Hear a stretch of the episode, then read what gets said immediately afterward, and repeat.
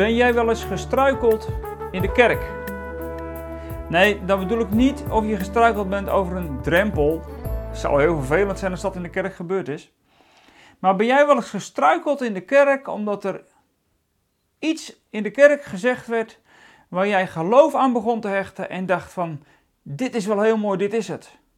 En je bent er later achter gekomen dat het toch niet klopte. Ben je wel eens gestruikeld in de kerk? Welkom bij weer een nieuwe video, nieuwe podcast. Dankjewel, fijn dat je kijkt, leuk dat je erbij bent en goed dat je meedoet. We zijn bezig met de serie Brieven uit de Hemel, dat weet je.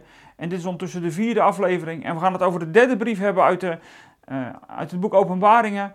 En daar hoort die, hoort die vraag helemaal bij. Ben je wel eens gestruikeld in de kerk? En dat is een beetje een spannende vraag. Dat voel je natuurlijk ook wel aan of je gestruikeld bent in de kerk. Want kijk, als je struikelt over de drempel in de kerk, dan kun je tegen de koster nog zeggen: haal die drempel eens weg. Maar wat nou als je in de, in de kerk bent gestruikeld over een stukje van de leer van de kerk misschien wel? Of begeef ik me nu op heel glad ijs? Ja, ik begeef me op glad ijs. En toch, ik kies er heel bewust voor om dat wel te doen, omdat ook de brief, de derde brief die we nu vandaag bekijken, als we naar die derde brief kijken, ja, dan ontkomen we er niet aan om hier even eerlijk over te zijn.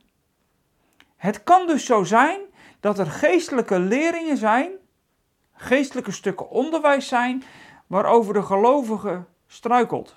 Dat zie je natuurlijk bij Israël heel veel terug in het Oude Testament. Dat er een vermenging was tussen, tussen het Jodendom en het Heidendom. Nou, daar gaat nou precies die derde brief over. Die brief aan Pergamus is nou precies zo'n brief waar Jezus hier iets over wil zeggen. En die brief die lezen we ook weer in Openbaringen 2. En we lezen hem dan nu vanaf vers 12 tot en met vers 17.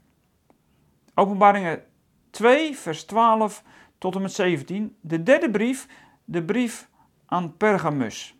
En houd die vraag maar niet achter, over waar ik net mee begon nog voordat ik je welkom heette bij deze video, houd er maar even je achterhoofd. Ben je was gestruikeld in de kerk? Kan dat? En wat is het gevaar van struikelen in de kerk? En is dat inderdaad in onze tijd mogelijk? Laten we eens die brief even lezen. En schrijf aan de engel van de gemeente in Pergamus, dit zegt hij, die het tweesnijdende scherpe zwaard heeft. Ik ken uw werken en weet waar u woont, namelijk waar de troon van Satan is. U houdt vast aan mijn naam en u hebt het geloof in mij niet verlogend. Zelfs niet in de dagen van Antipas, mijn getrouwe getuige, die gedood werd bij u, waar de Satan woont. Maar ik heb enkele dingen tegen u. Namelijk dat u daar mensen hebt die zich houden aan de leer van Biliam, die Balak leerde voor de Israëlieten een struikelblok neer te leggen, opdat zij afgodenoffers zouden eten en hoererij bedrijven. Zo hebt u er ook die zich houden aan de leer van de Nicolaïten en dat haat ik. Bekeer u. En zo niet, dan kom ik spoedig bij u en zal ik tegen hen oorlog voeren met het zwaard van mijn mond. Wie oren heeft, laat hij horen wat de geest tegen de gemeente zegt. Aan wie overwint, zal ik van het verborgen manna te eten geven. Ik zal hem een witte steen geven, met op die steen een nieuwe naam geschreven die niemand kent dan wie hem ontvangt. Nou, dit is eigenlijk de eerste brief waar het er echt even stevig aan toe gaat. Kennelijk zijn er hier mensen geweest die echt op een hele verkeerde manier in de gemeente aanwezig zijn en die ook toegelaten zijn. Dat zijn, die worden vergeleken met Biliam. En het struikelblok dat hij neerlegde. Er is dus in de kerk van het Nieuwe Testament de mogelijkheid dat er blokken liggen waarover je struikelt. En dat zijn geen drempels, dat zijn niet dingen in het kerkgebouw, maar dat zijn stukjes van de geestelijke leer. Die niet bij God vandaan gekomen zijn, laat dat heel duidelijk zijn, maar die er door mensen zijn toegevoegd of zelfs zijn vermengd op een hele slinkse manier. Dat was Biliam, die was heel slinks. Maar om even helder te hebben waar het in deze brief nu echt over gaat, dan moet je even kijken hoe dat deze brief weer opent. Ik heb de vorige keer ook al gezegd dat de eerste vijf brieven iedere keer beginnen met een citaat uit hoofdstuk 1. En dat is ook hier weer zo. En dat heeft iets te zeggen over wat er in die gemeente, hier Pergamus, maar als we het even over het geheel van alle kerken bekijken, en de kerk in het algemeen, en het getal 7 pakken en de hele de kerk van het Nieuwe Testament bekijken, in dit stukje van de kerk is dus iets aan de hand wat alles te maken heeft met waar deze brief mee geopend wordt. Jezus stelt zich namelijk opnieuw voor. Dat heeft hij ook in die andere, eerdere twee brieven al gedaan. En dat doet hij ook nu bij de derde brief. En in die derde brief, dan stelt hij zich zo voor. Hij zegt, dit zegt hij die het tweesnijdende scherpe zwaard heeft. Nou, dat is het halve citaat maar, want in hoofdstuk 1 staat waar dat tweesnijdende scherpe zwaard vandaan komt. En aan het eind van deze brief ook, maar hier aan het begin, in de groet, in de begroeting van de brief, hoe kort die ook is, daar staat het niet. Dat tweede snijdende scherpe zwaard, dat komt uit zijn mond. Dat heeft dus alles te maken met wat Jezus spreekt. En niet alleen dus met wat Jezus spreekt, maar ook wat er aan de andere kant dus gesproken wordt.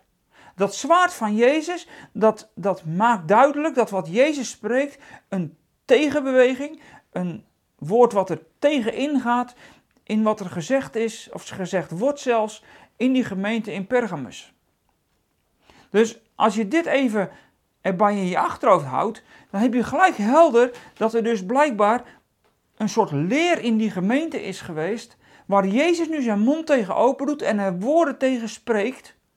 En dat is als een tweesnijdend scherp zwaard. Alsof dat hij het ervan af wil snijden wat er niet bij hoort. En als je de brief uitleest, dan waarschuwt hij tegen degene, als, je, als de gemeente zich niet wil bekeren, dan komt hij oorlog voeren met dat zwaard van zijn mond. Dus hij komt sprekend, dat is zo scherp als een zwaard, maar hij komt sprekend het oordeel uitvoeren. Dus het gaat hier in die gemeente van Pergamus vooral om woorden. Het gaat om profetie. Het gaat om misschien zelfs wel uitleg van het woord van God. En niet zozeer uitleg van het woord van God, maar nog veel meer wat erbij gehaald is. En dan worden er twee dingen genoemd, ondanks dat die gemeente in Pergamus eerst ook een bemoediging krijgt. En Pergamus, dat was het centrum van de religiositeit van die tijd. Waarschijnlijk een stad van meer dan een miljoen inwoners. We weten dat niet precies, maar het moet een hele grote stad of een hele grote regio zijn geweest. En dat was het middelpunt van de religieuze wereld van die tijd. Er waren dus allerlei stromingen die van alles vonden wat waarheid was. Je zou kunnen zeggen dat het een soort geestelijk liberalisme is. Nou ja, laten we eerlijk zijn, dan zijn we ineens heel dicht bij huis. Want het liberalisme dat zegt, doe vooral waar je zin in hebt. En ieder mag doen wat hij wil. En wat hij zegt. En wat hij vindt, mag hij vinden. En ik kom er steeds meer achter dat dat in de kerk van het Nieuwe Testament, in de kerk van onze tijd, een steeds grotere rol gaat spelen. En als God dan al wat mag zeggen, nou ja, dan moet hij zich maar wel aanpassen aan wat wij ervan vinden wat hij zegt. En dan hoor ik allemaal van die verhalen over context hier, context daar. Ja, ja. Maar mag God ook nog spreken en vinden wat hij vindt als de enige die het recht heeft op waarheid? Nou ja, die hele stad Pergamus die zat dus vol met bepaalde vormen van religie. Allerlei verschillende soorten. En daar zat die kleine christelijke gemeente midden tussen. Het is daar waar Satan zijn troon houdt. Dan moet je bedenken, als het een religieuze stad is, dat al die religiositeit dus blijkbaar de plaats is waar de troon van Satan staat.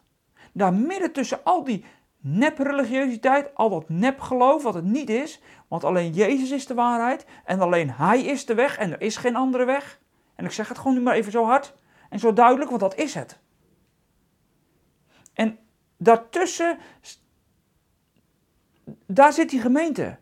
Die dit zou moeten uitspreken, maar er een omgeving is die een compleet ander geluid laat horen. En daar is dus de troon van Satan, midden tussen al die religie. Alles wat ervan aftrekt wat echt de waarheid is. Dus God, Jezus en de Heilige Geest krijgen niet de plaats die ze zouden moeten hebben. En dat, helaas, is ook in die gemeente van Pergamus dus binnengedrongen. Want er zijn er daar in die gemeente die de leer van Biliam ehm, navolgen. En nou waarschijnlijk is Biliam hier vooral een symboolpersoon. Het is niet letterlijk wat Biliam heeft gedaan in het Oude Testament. We kennen die geschiedenis met Balak. Dan moet hij dat volk vervloeken. En dan drie keer moet hij dat doen van Balak. En alle keren mislukt het, want God geeft hem andere woorden. En het enige wat Biliam dan nog kan doen is tegen Balak zeggen, als Balak hartstikke kwaad is natuurlijk, dan zegt Biliam tegen Balak, nou Balak, maar ik heb wel een oplossing. En dat is een profetisch woord wat hij vervolgens uit zal spreken. Dat is een geestelijk woord, want hij was een, hij was een magier. Hij was een, een, hij was een geestelijke, wel in verkeerde dienst, maar hij was een geestelijke. En die woorden die hebben dus kracht, geestelijke kracht. En Biliam zegt dan tegen Balak, joh Balak, je zorgt er gewoon voor dat ze trouwen met jouw volk en je laat ze vervolgens de afgoden dienen. Je laat ze daar offers aan brengen en dan wordt hun God vanzelf kwaad en laat hij ze in de steek. De prijs? Nou, de prijs is geweest dat Israël in ballingschap is gekomen. Want ze hebben het gedaan. Ze hebben toegegeven en ze hebben het heidendom vermengd met het jodendom. En nu, nu haalt Jezus deze Biliam terug in het Nieuwe Testament op het moment dat hij aan het benoemen is wat er nu is in de kerk, in zijn leger, dat staande moet blijven in die eindtijd. En dan zegt hij, er zijn er in jullie gemeente die de leer van Biliam hebben. En je hebt ze er niet uitgegooid. Nou is Biliam hier vooral symbolisch de persoon die staat voor sympathiseren met het heidendom. Vermengen tussen christendom en heidendom afgoderij, maar ook vooral die vermenging met heidense invloeden. En of dat een afgoderij is, ja, dat is het al snel natuurlijk, want het is een andere godsdienst. Al is het misschien helemaal geen godsdienst, want er is geen God die erachter zit, maar het is wel degelijk afgoderij. Want het neemt de plaats van God in en nog veel erger, het neemt de plaats in van de woorden die God heeft gesproken in zijn woord. En dat is er aan de hand in Pergamus. En daarnaast zijn er dan ook nog die de leer van de Nicolaïten hebben. En ook dat heeft met afgoderij te maken. Daar kom je niet goed uit wat dat is. Je komt die leer verder nergens echt tegen in de Bijbel. Maar hij was er dus kennelijk wel. Hoe dan ook. Er was een vermenging tussen geloven in God en iets daarbij. Iets wat eer kreeg, iets wat ruimte kreeg. En waar dus de ruimte kwam die er ook was in het Oude Testament bij Israël. En dat herhaalt zich nu in de Nieuw-Testamentische kerk. Ja, op andere manieren. Maar wel met dezelfde doelstelling. Zodat God uiteindelijk zijn hand zal aftrekken van de gemeente. Zoals hij eerder zei, ik kan de kandelaar wegnemen. Dat zegt hij hier niet. Maar hij zegt wel dat hij zal komen om het oordeel uit te voeren, door oorlog te voeren met de kerk. Dus je leer van Biliam en dat tweesnijdende zwaard heeft alles te maken met wat er gesproken wordt in de gemeente. Wat er geloofd wordt in de gemeente. En dan zijn we toch veel dichter bij huis dan dat we dachten. Want we horen steeds meer om ons heen dat als het over het woord van God gaat, ja, dat bedoelde God toen en toen, maar niet nu. Nu is het een andere tijd. En nu vinden we, als het over ethische kwesties gaat, dat God maar anders is gaan denken dan vroeger. Nou, dat wordt wel tricky. Ja, ik weet het, dit mag je bijna niet meer zeggen. God laten spreken zoals hij spreekt, dat wordt steeds lastiger. En weet je hoe het komt? Omdat die geest die in Pergamus de boel aan het verzieken was, die verziekt ook nu de kerk. In Nederland en in deze wereld. In de eindtijd. En de waarschuwing die van Jezus hier naar ons uitgaat is deze. Hou de profetie, hou de verkondiging, hou dat wat er in de gemeente verkondigd wordt, geleerd wordt en geloofd en beleden wordt, hou dat zuiver. Vermeng dat niet met het heidendom. Ook niet met een een of ander christelijk liberalisme waarin we allemaal mogen voelen wat we willen voelen en mogen zijn zoals dat we zijn en het mag allemaal blijven zoals dat het is. Als dat gebeurt, dan zitten we midden in Pergamus en ik word hier zelfs, ik merk dat ik er boos over word dat het gebeurt in de kerk. En ik merk hoe vaker ik hier wat van zeg, dan heb je eigenlijk liever maar dat je je mond houdt. Maar Jezus is hier duidelijk. En hij roept hier heel ondubbelzinnig op wat er moet gebeuren. Bekering. De kerk moet zich hiervan bekeren. De kerk moet zich bekeren van datgene wat hier gebeurt. Een valse leer die vermengd is met het goede. En uiteindelijk, wat is het gevolg van deze vermenging? Complete wanorde. Want niemand weet meer uiteindelijk wat waarheid is. En dat is nu precies hetzelfde. In hoeveel dingen weten wij door alle discussies heen niet meer wat waarheid is? En nee, ik wil niet terug naar een religieuze zware kerk hoor. Echt niet. Want daar werden ook allemaal dingen in verkondigd waarvan men zei dat het, dat het waar was. Maar dat was het niet. Vormen. Manieren van geloven wat, waar, wat de enige manier zou zijn wat zou voldoen. Dat is net zo erg. Maar ik wil wel terug. En ik hoop dat je met me meegaat naar een kerk die God weer laat spreken zoals hij sprak. En ja, de context van waar God sprak in het Oude en het Nieuwe Testament, die doet zeker wel ter zake. Maar dat betekent nog steeds dat datgene wat God niet wil, gewoon is gebleven als dat wat hij niet wil. Want God is gisteren en heden en tot in eeuwigheid dezelfde. God verandert niet en hij wil ook niet dat zijn kerk verandert. Naar de maatstaven van het christendom vermengd met het heidendom. En we leven in een tijd waarin het liberalisme hoogtij viert. Want ieder mag toch zelf zijn keuzes maken. Je mag doen waar je het beste bij voelt. Of zei God toch iets anders? Nou, Jezus zegt hier bekeert u. Waar je dat gaat vermengen met elkaar, zegt Jezus, stop er dan maar mee. Dan kom ik zo meteen, dan voer ik oorlog met je. En dan zal ik mijn woorden uitspreken. Maar dan, dan zullen het geen woorden meer zijn van genade en van evangelie. Maar dan komt hij straks om oorlog te voeren. En dat zijn veroordelende woorden. En hoe ik dat weet? Nou, dat heeft alles te maken met de overwinningsbelofte die hierna komt. Die woorden die Jezus zal spreken met dat tweesnijdende scherpe zwaard als hij oorlog komt voeren, dat zijn veroordelende woorden. Want degene die overwinnen, die deze zondige praktijken buiten de deur houden en in de overwinning blijven staan, die krijgen in de eerste plaats te eten van het verborgen manna. Maar wat nog een belangrijker is, dat is, die zullen een witte steen krijgen met erop hun nieuwe naam.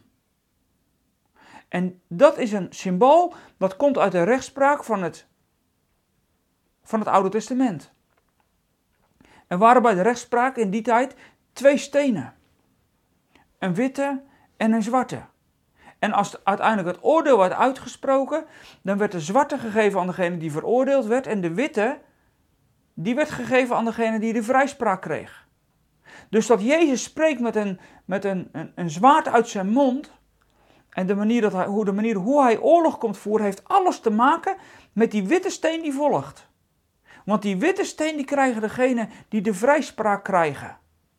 Dit is een juridisch beeld. En dat die oorlog die hij komt voeren met dat tweestaande scherpe zwaard uit zijn mond, dat is een veroordelende oorlog. En daar zal een scheiding plaatsvinden. Dat zwaard zal snijden. En dat zwaard dat zal zorgen dat hetgene wat het zwarte krijgt, de zwarte steen krijgt, dat die uiteindelijk straks er niet meer bij zullen zijn. En degene die overwinnen, die krijgt die witte steen. En dan zegt Jezus straks bij de hemelpoort, alsjeblieft, we heb je een nieuwe steen. Een witte. Helemaal schoon. Zit niks meer op. Hij is parelmoer schoon. Wit als sneeuw. En kijk goed, zegt Jezus dan, wat daar op die steen staat. En als je dan goed kijkt, dan staat er op die steen een naam.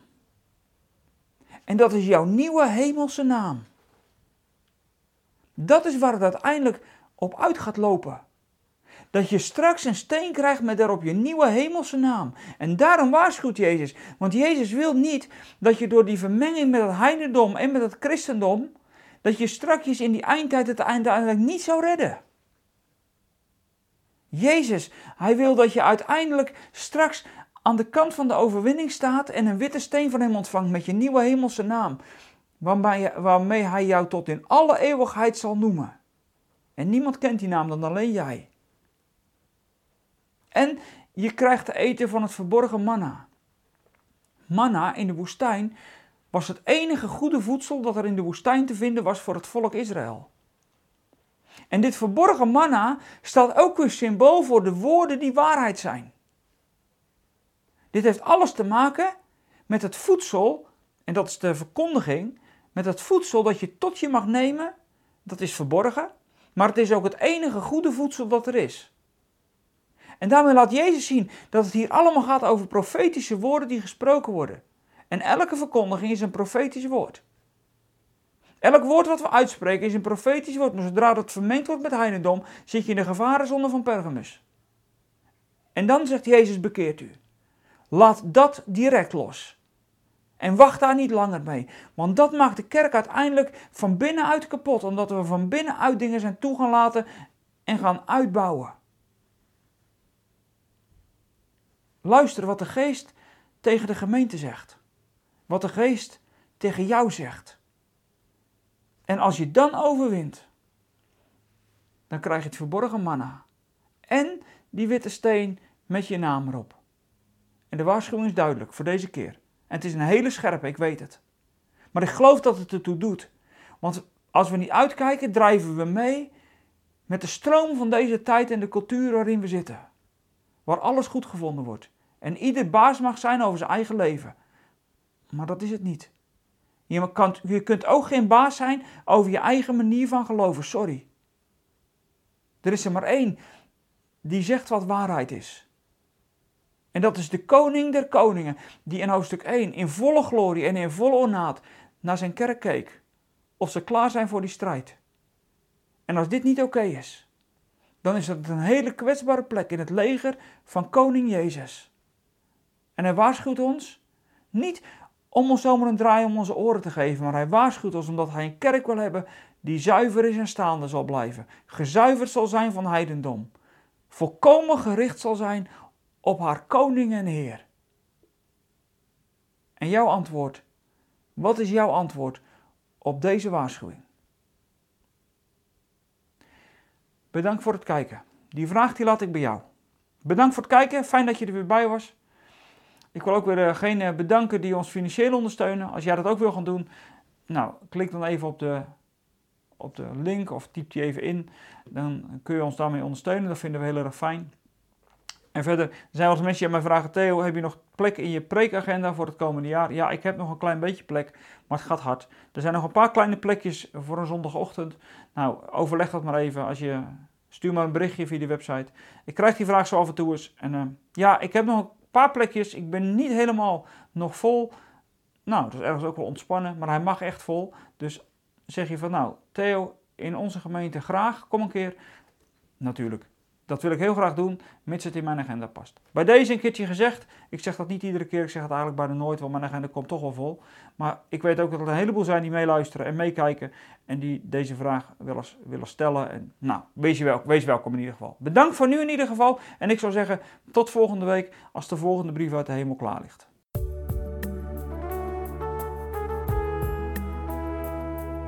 Zijn er weer aan het einde van deze podcast. Spreken deze podcast je aan en wil je ons met de gift ondersteunen? Kijk dan voor meer informatie op www.eindeloosgelukkig.nl/podcast.